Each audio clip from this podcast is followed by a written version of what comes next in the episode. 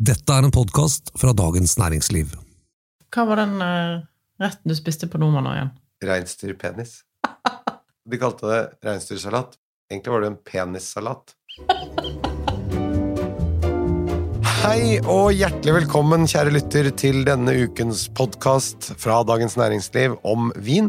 Mitt navn er Thomas Giertsen, og velkommen til deg, kjære vinelsker Merete Bø. jo, takk. Du, jeg ser deg på Snapchat og Instagram. Ja. For et liv du har! ja. Når kjedet du deg sist? Jeg sier da, jeg kjeder meg aldri. Virkelig. Ja, da, den, det minuttet har jeg ikke ledig, for å være helt ærlig. Men du, vi hadde jo noe så folkelig og hyggelig som en lytterkonkurranse i forrige episode. Ja. Der folk skulle gjette hva slags vin du anmeldte med denne diktlignende anmeldelsen din. Det var en Brunello di Montalcino. Ah. For å være helt spesifikk, så var det din anmeldelse av Biondi Santi 2015 som du ga 95 poeng. Jeg skal si. Og det var faktisk flere som klarte å gjette helt riktig, men en av de som traff helt presist på akkurat hvilken vin og hvilken årgang det var, det var Morten fra Trondheim. Så Morten, i god gammel nærradiostil, så sender vi en champagnestopper med posten til Trondheim. I dag så skal vi endelig dedikere en episode til et område som vi har vært innom flere ganger, men vi har ennå ikke hatt en hel episode. Dette er i Nord-Italia og Piemonte, og vi skal snakke om det aller staseste av det stase. Hvor skal vi da, Merete? Vi skal til Barolo, Nemlig. selvfølgelig. Jeg sier jo Barolo, men hvis man skal uttale riktig italiensk uttale, så er det Barolo, er det ikke? Barolo. Jeg Men det høres litt sånn fjollete ut. Ja, det, er- litt sånn som å si juice på norsk. Jeg klarer ikke det. Og Barolo, det er i denne sammenheng en vinappellasjon i Piemonte. Kan ikke du si litt om distriktet først, Merete? Eh, distriktet, jeg vil jo si eh, Sikkert tråkker på noen tær nå, men jeg vil si at Piemonte er desidert det beste vindistriktet i hele Italia. Jeg tror det er ganske mange som er enig med meg i det òg. Eh, ligger nord, eh, nordvest i Italia. Eh, grenser da til Liguria i, i vest, og eh, Lombardia i øst. Hvis man skal reise dit, fly til Milano. så Eh, kjøre bil. Eh, Cirka en og en halv time, to timer fra Milano. Eh, Du kan òg fly til Torino, så da flyr du jo inn i Piemonte, men da må du stort sett skifte fly. Lettere med direktefly til Milano. Og mat og vin der, da. Eh, Ja, det er jo noen av eh, Italias beste viner, uten tvil. Og det som er kult med Piemonte, er at de har egne druer som bare finnes der. Eh, Og så har de òg en prisrange fra de rimeligste til de aller dyreste i hele Italia. Um, og maten er jo helt fantastisk. Um, nå er vi midt inne i høgsesongen på pimentesisk mat, kan en jo si. Som er Trøffel. Hvit trøffel.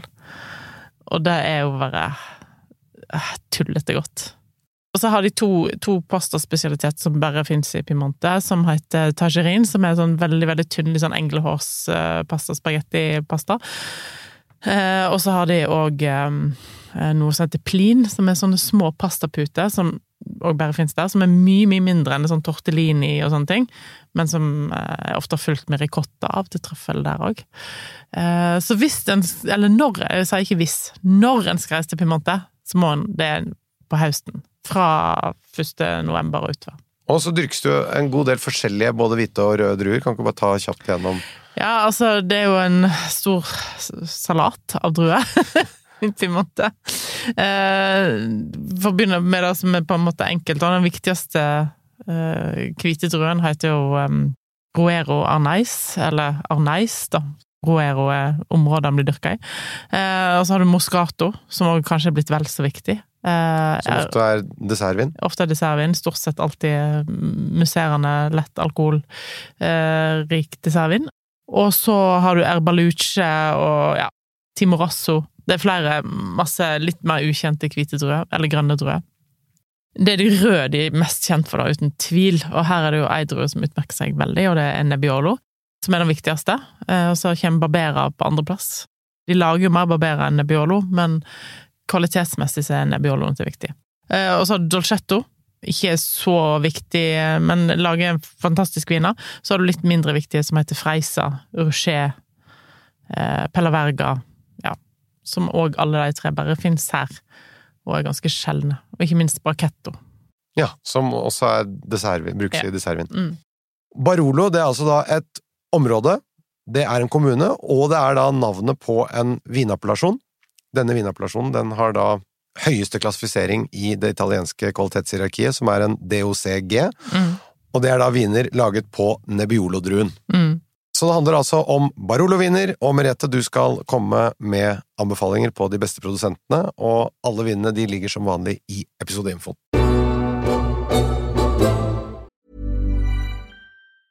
Ever catch yourself eating the same flavorless dinner three days in a row? Dreaming of something better? Well, HelloFresh is your guilt-free dream come true, baby. It's me, Kiki Palmer. Let's wake up those taste buds with hot, juicy pecan-crusted chicken or garlic butter shrimp scampi. Mm. Hello Fresh. Stop dreaming of all the delicious possibilities and dig in at HelloFresh.com. Let's get this dinner party started.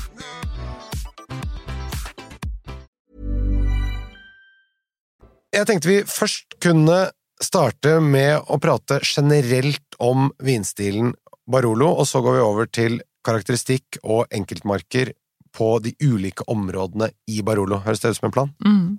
Så hvis vi starter med, med selve vinstilen, da. Ja, altså Barolo er jo den kraftigste Nebbioloen, kan en si. Altså, du har jo Barbaresco, som er litt mer elegant og lettere. Ikke alltid sånn Det er litt, det er litt produsentavhengig og årgangsavhengig, selvfølgelig, men hvis en skal skille de to, så er det da. Og det er naboappellasjonen Ja. Barbaresco. Ja. Og så har Som du også er i Piemonte, bare for å Ja, ja det er òg i Piemonte. Uh, og så har du jo Nord-Piemonte, Alto-Piemonte, som er godt i Naragemme og sånn, og de er òg enda lettere, ofte litt lavere i alkohol enn Barolo. Barolo er liksom her er det masse tanniner, masse syre, masse struktur og kraft, og det er ofte viner som trenger masse tid i kjelleren. Og ganske mye alkohol òg. Det har blitt veldig mye alkohol de siste årene, eh, fordi at eh, temperaturen eh, har gått opp i Pimonte Piemonte òg, som alle andre plasser. Så eh, her har de begynt å bikke, dessverre, ofte 14,5-15% Og dette er jo ting som gjør at dette er krevende viner å like. Kanskje det vanskeligste vinstilen å like sånn umiddelbart, eller? Ja, altså, du skal ikke begynne med Barolo. Jeg må bare si at eh, det er masse tannin av bitterstoffer, det der tørrende, og en skikkelig stram syre, Mm. sammen med dette bitre, Mm. og så har du den alkoholen som er ganske høy, så det er, det er krevende. Det er vin for viderekomne, uten tvil. Og det er definitivt en matvin. Og alle disse tingene som vi snakker om her, med alkoholen og med syren og med tanninene, det er jo de tingene som gjør at den er så bra til mat. For fettet og proteinene i, i maten, det nøytraliserer disse tingene. Mm. Altså, hvis du har fett i maten, og det er nesten uansett eh, hvis du, altså, Når du snakker om pasta, da, som bare har den smørfettet, egentlig, Uh, i tillegg til eggefettet, da, eller fettet fra eggeplommen, Uh, så det, det funker egentlig helt fint til, til Nebbiolo. Altså, den Du skal ikke mer fett enn det, men du sitter ikke og eh, drikker Nebbiolo til, en, til kokt brokkoli, liksom. Den Nei, og ikke til østers heller. Nei. I en blindsmaking, hvilke aromaer ville du trukket frem? For det første, hvis jeg hadde fått en Barolo blindt, så hadde jeg sett på fargen. Nebbiolo er alltid ganske lys på farge. Eh, Alltid liksom oransjebrun i kanten. Eh, Og av og til når du ser den på farge, så kan du bli litt sånn Oi, her er det enten en gammel vin eller en litt lett vin, men eh, du må ikke la deg lure av eh, utseendet. Eh, Og så, på duft, eh, så får han alltid et litt sånn kirsebærstein. Med litt modne, søte jordbær, kanskje litt blomstra. Av og til litt sånn trøffel, hasselnøtt, eh, sopp. Ja. Det er veldig kult når det lukter trøffel oppi glasset, syns jeg. Det, det, altså, da, da, får, da føler en at en har ikke fått valuta for pengene. Eikebruken her, da? Ja, den er jo litt sånn eh, variabel. Stort sett i dag så er det store mm, botti, altså flere tusen liter store fat, som ikke gir så mye smak av eik, som har vært brukt ofte i mange år, mange generasjoner. For når eikefatene er gamle, så, så blir det mindre og mindre eikepreg på vinen, fordi smaken er, er på en måte tatt ut. Men så er det noen da som liker å bruke små eikefat, som gir litt mer smak av eik. Vi hadde jo Gaia Gaia på besøk, som Mm. er da eh, nå den nye sjefen er på, på, hos den kjente produsenten Gaia. Faren var Angelo Gaia, en av de må vi si, pionerene fra det nye Piemonte. Mm. eh, som på 60-70-tallet sto for en sånn revolusjon. Kan ikke du si litt om hva det Ja, det var jo egentlig fordi at eh, Piemonte er egentlig et veldig sånn bondsk eh, samfunn. De som eide vinmark, eller de som eide en vingård, så at kompisene flytta til Torino og jobba hos eh, de store, hos Fiat og hos de store firmaene og tjente mer penger.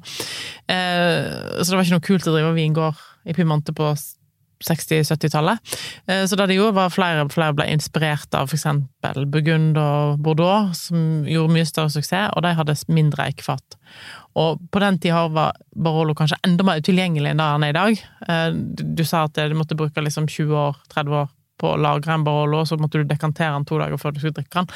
Altså, det ble veldig sånn Var et litt vrient produkt å Vrient produkt å selge. Her selger jeg noe som koster egentlig ganske mye, og så kan du drikke det om 30 år. Det er liksom et litt for langt tidsperspektiv i den moderne verden, da. Eh, så det de gjorde, var å putte um, på små eikefat. eh, Og eh, minske ned på maserasjonstiden, altså tiden der druejusen og skallet ligger sammen. Men det var jo et ganske sånn stort brudd med den tradisjonelle måten å lage Barolo på. Uten tvil. Her ble det en veldig stor splittelse. Et eh, eksempel er jo Silvio Altare, som låste seg inn i vindkjelleren med motorsag og sagde i stykker alle båtene til faren. De, altså de gamle, Eh, store De gamle store, og han ble forvist fra gården, fikk ikke komme tilbake igjen før faren var død. Eh, Så det er mange sånne historier. Men det som skjedde, var at eh, de fikk mye mer internasjonal presse, de fikk høyere karakter for vinene sine. eh, Ergo de ble mer ettertrakta, og de fikk òg høyere pris. Så dette tradisjonsbruddet, det førte til en kommersiell suksess, og løftet regionen opp sånn kommersielt sett, da. Ja. Men er det fortsatt to leirer i dag? Ja, men det er mye mer utviska. Eh, Jeg tror de fleste modernistene er òg enig i at eh, Nebbiolo gjør seg best uten veldig mye eikepreg, da. Hva, hva er innvendingene mot eik på, på Nebbiolo-druen? Nei, for Nebbiolo er egentlig veldig sånn delikat, flott drue sånn aromamessig. Trenger liksom ikke hjelp av et eikefat. Den parfymeringen som det eikefatet gir, den, den forstyrrer egentlig den delikate fruktaromaen. Ja. Er det også noe med at druen i seg selv har så mye tanniner, og når du putter vinen på eh, nye eikefat, så kommer det tanniner også fra fatet, altså tretanniner. Mm. Så dermed får du jo enda mer tannin av det, da. Ja. Jeg sjøl liker jo de tradisjonelle mye bedre enn de moderne, eh, fordi jeg syns de moderne ofte Det blir liksom too much eh, av alt, egentlig.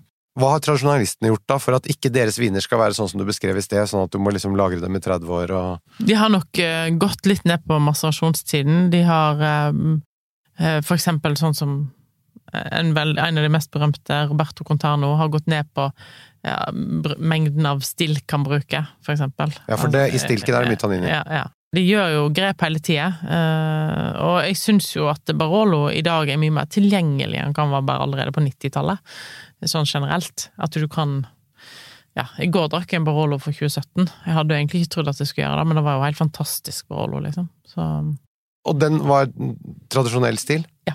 Og ikke for stram? Nei, absolutt ikke for stram i det hele tatt. Det var 2017, da. 2017 er en veldig åpen årgang.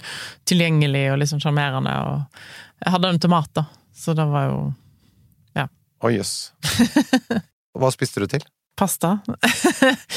Englehårspasta med hvitrøffel fra Alba. Å, herregud.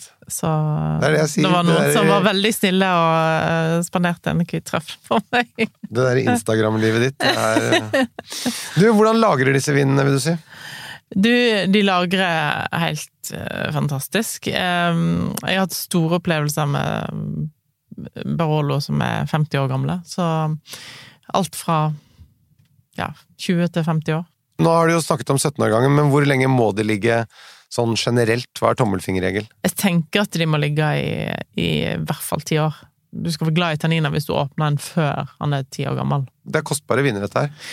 En kvalitetsbarolo får du vel ikke under 400 kroner, vil jeg påstå. Og opp til Nei, altså, den dyreste er vel Monfortino, som koster 7500. Giacomo Conterno. Giacomo Conterno. Nå har vi snakket om uh, trøffelpastaen, men hva annet spiser du til uh, disse vinene? Eh, lam, for eksempel, er fantastisk til Nebbiolo. Eh, lammekjøttet har jo eh, veldig mye smak og veldig mye fett, og det funker veldig godt sammen med Nebbiolo. Eh, all sopp. De er jo veldig gode på steinsopp. eh, porcini i Piemonte. Eh, Så steinsopprisotto eller pasta. Ja. Det er jo kostbare viner. Vil du si all Barolo er verdt penga? Nei, eh, det er ganske mye dårlig Barolo. og det er litt sånn eh, som Burgund, at eh, hvis en skal kjøpe så dyre viner, så må en gjøre research. Og det som kanskje kan være greit å finne ut av, er liker du hovedsakelig den tradisjonelle stilen, eller liker du den moderne stilen, selv om dette skillet altså nå er litt mer utvisket, da. Ok, men du, da må vi snakke om områdene. Vi starter da med selve byen Barolo. Er det noe særpreg på vinene som kommer fra området Barolo i Barolo? Barolo kan jo komme fra elleve byer, eh, og det er det som er så forvirrende. Og så er det da én by som heter, eller by og by, det er landsby, som heter Barolo i tillegg. Det er jo det mest kjente, og eh, det er kanskje også blant de kraftigste byene, da, stilmessig, når det kommer til å, lage Barolo, hvis du lager Barolo i selve Barolo by. Ja. Det er de kraftigste vindene? Ja, ja. De i tillegg til kanskje kanskje Serralunga. Hvilke produsenter er de beste her, da? Ja, altså, du har jo vært hos noen av disse her, veit jeg. Um, uten tvil så vil jeg vel kanskje sette Bartolo Mascarello øverst. Og de ligger jo midt i sentrum av Barolo by. Og det er riktig at jeg har vært der, men man får jo ikke kjøpt en flaske. Nei, der får du ikke kjøpt noen ting. Eh, og den ene gangen i året, hvis han kommer på polet, det er ikke alltid, det kommer litt an på hvor mye vin importøren får, men sist han kom på polet var 2016 en og det, prisene her er jo ikke høye heller, det er jo det som er så helt latterlig. Og de lager jo bare én Barolo. Altså, de lager Barbera og Dolcetto og sånn, men de lager bare én Barolo. De har ikke masse forskjellige vinmarker. De putter alltid én. Så, som er den gamle måten å, Ja. å gjøre det på. Og den er altså så vidunderlig. Men hvis du finner på restaurant, eh, eller på nettbutikker, eller altså uansett Bartolo Mascarello, da får du en sånn referansegrunnlag til Barolo. Jeg vil si at det er kanskje den fremste produsenten, hvis jeg skal si hele området under ett, ja. Jeg er ikke, jeg er ikke uenig i det. Men som du sa, det dukker opp på restaurantkart av og til. Jeg var på Trottoria Populare i Oslo. Mm. Plutselig hadde de 2008 Bartolo Mascarello til en jeg husker ikke, rett over 1000 kroner. Det er ikke mye penger for den kvaliteten. Mm. Hæ? Nei, da veit du hva du skal gjøre. Uansett om det ikke har noe mat som passer til, så bare kjøper du den. Men du, andre produsenter fra området? Eh, Rinaldi, som òg er umulig å få tak i. Nå er vi litt sånn slemme og sitter bare og sier det som er umulig å få tak i. Vi kommer tilbake til ting Ja, som er mulig å få tak i. Men det er viktig å nevne dem, fordi at eh, de fins på restaurantkart. Og en får jo tak i det en vil, hvis en er villig til å jobbe litt for det og betale litt mye for det. Så fins det jo på enten på Blomkvist sin auksjon av og til, eller i utlandet på nettbutikker og sånn. Er det flere? Ja, Sandrone er jo òg en sånn moderne produsent da, igjen, som òg stort sett er tilgjengelig med et par viner, i hvert fall på, på spesialbutikkene på polet. Kan anbefales, selv om de er i moderne delen av skalaen. Mens Rinaldi og Mascarello er supertradisjonelle. Det her er de. Å besøke Rinaldis kjeller er som å besøke et museum. Um, mens Sandrone er mye mer moderne. Og så har du Chiara Borskis, som òg ligger midt i sentrum av eh, Barolo.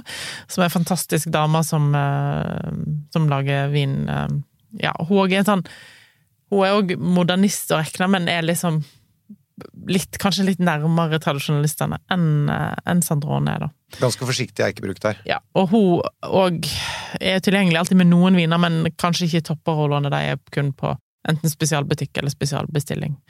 Men så har du én produsent som holder til i Barolo, som heter Veira. Som alltid er tilgjengelig på polet. Som har veldig mange forskjellige viner på polet, i alle mulige varianter og priskategorier. Eh, Og deres Barolo syns jeg er et veldig godt kjøp. De er veldig flinke. Og stilmessig, hvor plasserer du dem? De er sånn mellomting mellom moderne og tradisjonelle, vil jeg si. Um, de har nok vært mer moderne før. Jeg syns de lager egentlig flottere og flottere viner. Og vinmarkene her, da? Barolo har masse forskjellige vinmarker. De har egentlig ikke så mange hektar med vinmark, bare litt under 250 hektar med vinmark i Barolo by og områdene rundt. Men den viktigste vinmarken i Barolo er Canubi, som er jo den mest berømte i Barolo. Da. Den er jo blitt ganske stor, de har liksom innlemma større og større deler i den, og han har fått litt sånn kritikk for det. For det heter Kanubi bortover her og helt bort hit, og nå er det også bort hit Ja. og bort hit og bort hit. Eh, og, og det er jo det som For å liksom forklare strukturen i Pimante, da, så hvis du har en stor vinmark Ofte er det mange eiere i én vinmark, litt sånn som i eh, Burgund. Eh, men så er det da Nebbiolo i de beste delene i vinmarken, for det er den druen de får mest penger for. Eh, og så er det Barbera i de litt dårligste delene, og så er det kanskje Dolcetto litt sånn rundt omkring der det er litt kjølig og sånn. Så Nebbiolo får alltid den beste plasseringen i vinmarken, mens de har ofte flere druer i samme vinmark. Skjønner. Og hvis man da vil kjøpe viner fra selve Barolo, så er det da det som er lettest tilgjengelig nå, så er jo det av det du har nevnt, så er jo det Vaira og Chiara Boskis. Ja. Kanskje litt Sandrone òg. Men Sandrone, det får du tak i. Ja. I hvert fall innimellom.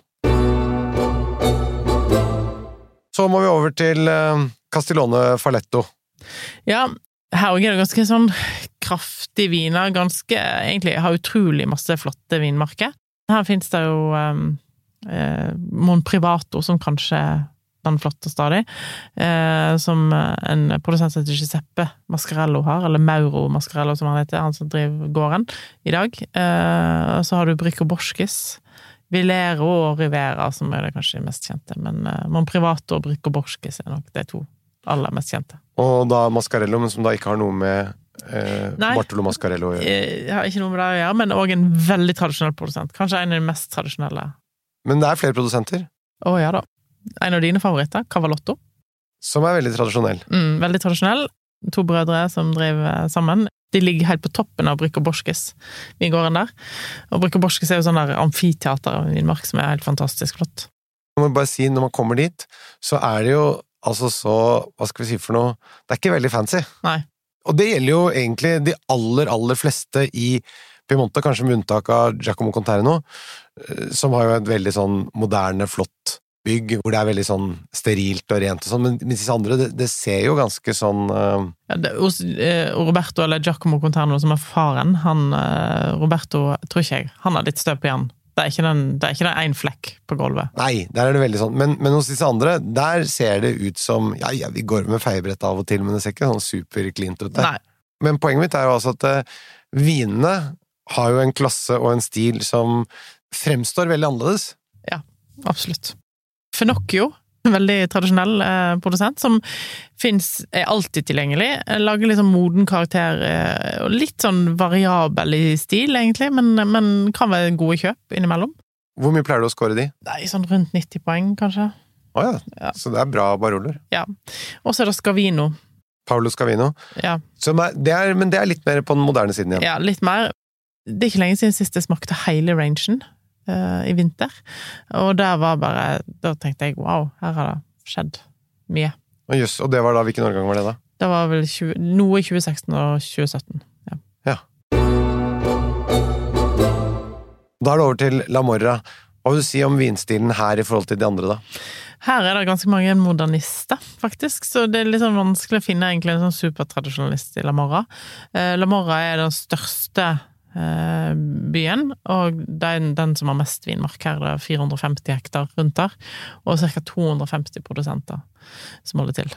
Veldig sånn fruktdrevne, kanskje litt mer sånn på den eh, saftige siden da, av eh, Nebbiolo. Eh, ofte sånn bløte, store, kraftige. Men det kan òg ha litt med at de produsentene som holder til her, gjerne foretrekker barrikk foran botte. Ja, men de jobber også med å få redusert tanninstrukturen, altså da uttrekket fra druene, er det det de gjør? Ja, men det mest kjente, kanskje uten tvil, er Roberto Verzio. Jeg smakte nettopp hele rangen hans fra 2017. Det er ganske heftige tanniner der, altså. Så selv om den modernistiske retningen hadde til hensikt å gjøre tanninene mer avrundet, så, så er det ikke noe uttrykk for det her i disse vinene? Nei, og han tar seg ganske godt betalt for vinerne. Sånn personlig så syns jeg han lager ganske kule barberer. Veldig dyre barberer, men akkurat uh, Baroloene er heftige, heftige viner, altså. Hvor mye koster de? De begynner vel på 1000 og går oppover, så de er ikke billige heller. du bør teste det før du kjøper det. Noen elsker det, vet jeg. Så dette er litt, litt annen stil enn en sånn som Mascarello og Cavalotto og sånne ting. Men det er jo det samme med Sandrone også. Det er noen som er veldig gira på, på Sandrone også, mm. som jo også er mer i modernistisk retning. Absolutt. Og så har du Silvia Altare, som er da datteren til Elio Altare. det var ganske modernistisk. Det var han som var med og starta hele den bølgen. Mens Silvia har kanskje moderert det litt. Da. Så jeg syns nok vinene er blitt bedre etter Silvia overtok. Og så har du òg eh, Michele Chiarlo, som er en uh, flott produsent, som òg har et ganske fint uh, sånn agriturismo, der du kan bo. Midt i vinmarken oppe i La Morra. Og han lager ganske sånn delikate, flotte viner. Har en stor range med forskjellige druer og viner. Og så er det over på Monforte d'Alba. Mm. Hvor har vi Monforte d'Alba i forhold til Barolo? Det ligger ganske nært Barolo. For meg er Monforte den byen jeg alltid bor i. Så for deg er Monforte d'Alba, det er Barolo? Ja. I Monforte så finnes det da det fineste hotellet for meg i hele Piemonte, kanskje i hele verden. og det heter Casa della Serracca. Jeg klarer aldri å slutte å snakke om det, for jeg syns det er så fantastisk fint. Det ligger en tusen år gammel ruin i ei bakgate i Monforte, drevet av en eh, apotekeren i byen, Giulio. Eh, første gang jeg besøkte han, var en sen kveld. Han har en vinbar i kjelleren der, eh, i 2011. Da skrev jeg ei bok om Piemonte sammen med Ole Martin Alsen og Sune Eriksen, som eh, tok alle bildene. Vi kom inn der seint en kveld og ble helt sånn betatt av eh, plassen. Bare seks rom, så her må du bestille ganske tidlig. Og i kjelleren der, i vinbaren, så har han en fantastisk vinkjeller som bare må ses. Veldig god mat. Veldig sånn erketypisk mat. Og så får du da eh, noen av de kuleste rommene i hele Piemonte. Han tar godt vare på vinene sine, og han har mye gamle viner der også. Du... Som ikke koster skjorta. Nei, og du kan kjøpe dem. Både kan du kjøpe dem og drikke dem til maten, og du kan kjøpe dem med deg. Ja. Ja, Vi snakket om dette stedet i en annen episode også, om steder å reise til, og mm. dette er jo definitivt et sted å anbefale. Absolutt. Så hvis du har lyst til å dra på besøk til noen produsenter, mm. gjør deg til venn med han, så ordner han deg inn hvor som helst. Og bare si at du kommer fra Norge, det er veldig viktig. Han elsker nordmenn, for det hotellet har vært fullt med nordmenn siden 2011. Og hvis det er fullt der, så går du rett opp bakken, så ligger Villa Becaris. Fantastisk flott hotell der òg. Litt dyrere, kanskje, men litt mer hotell enn en Saraka. Og da kan du bo der, så kan du gå ned til Saraka på kvelden og drikke og ete. Og produsentene i Monforte, Merete, hvilke vil du trekke frem der? Det er jo hovedsakelig to.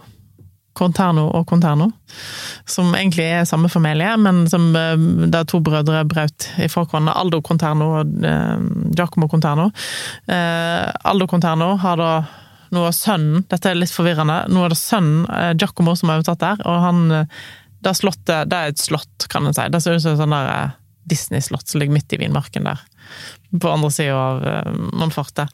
Uh, litt sånn pastellfarga, bløtkakeaktig. Uh, ja, lager ganske moderne viner fortsatt, eh, mens Giacomo, da, som har overtatt eh, som har overtatt av sønnen Roberto, som kanskje er den mest berømte vinprodusenten i hele Piemonte, eh, litt, holder litt mer på nedsiden av Monforte til, og litt mer sånn ja, low-key. Men, men low-key og low-key, ja, ja. det er ganske flott, dyr bygning, og når du kommer inn der der er det, som vi snakket om, veldig rent og pent. Det er skinnmøbler. Det er liksom Der er det ganske flott. Det er ganske tjukk den eikepaketten på gulvet der. Ja. Der er det, det er modernistisk i innredningen, og veldig, veldig cleant og ordentlig. Og ja. Det er vel han som har den aller høyeste status av alle produsentene i Barolo, er det ikke det? Jo, uten tvil. Han uh, har jo òg kjøpt seg inn i Nervi, oppe i Gattinara. Som er i nord i Piemonte. Eh, som ja. Litt annen stil, men også Nebbiolo-basert. Ja. Og bare for å nevne det, med en gang han satte navnet sitt på etiketten der, så doblet jo de vinenes pris, altså faktisk 100 ja. opp i pris. Ja. Han tar seg jo rimelig godt betalt. Nå var jo eh, nett hans Cascina Francia eh, lansert på polet, den koster jo 2500. Hans toppvin, Monfortino, koster jo 7500. Kom ikke på polet i år, av at de fikk bare 120 flasker til Norge, som er ganske lite. Men han er også en litt sånn vriompeis, er han ikke det? Sånn at han er sånn hvis 16 er en veldig årgang, så skal ikke jeg nødvendigvis ja, være 16. han lagde for eksempel 2002, som var en årgang som ingen lagde noe toppvinner, men han mente da selvfølgelig at det da var en toppårgang for Monfortino. For jeg sjekka prisstigningen på Monfortino her, så kosta da 2002 kosta 2500, og nå koster den 7500 for en ny årgang. Så Den har steget med 5000 kroner de siste ti årene. Hvis du sitter på restaurant, har med deg den store lommeboka, og du får enten lam eller pasta med trøffel, og de har moden monfortino, da er det det du skal kjøpe. Mm. Det er det staseste av det stase. Ja, og åpner Monfortino, da er det litt sånn hallelujastemning. Da blir det litt sånn stille rundt bordet hvis noen kommer med den og en vinopptrekker. Ja. Og så, eh, i tillegg til Conterno og Conterno, da, så eh, er det Roddolo. Flavio Roddolo er en produsent som ikke har vært på norske markedet på eh, ett og et halvt år, og ikke av importøren ikke vil, men fordi at han er en gammel mann som driver alene. Her er det ingen Jeg tror ikke han har mobiltelefon engang. Det er i hvert fall når jeg var på kontoret hans sist, så sto det bare en faks der. Så, så det er litt komplisert å kommunisere med han, tror jeg.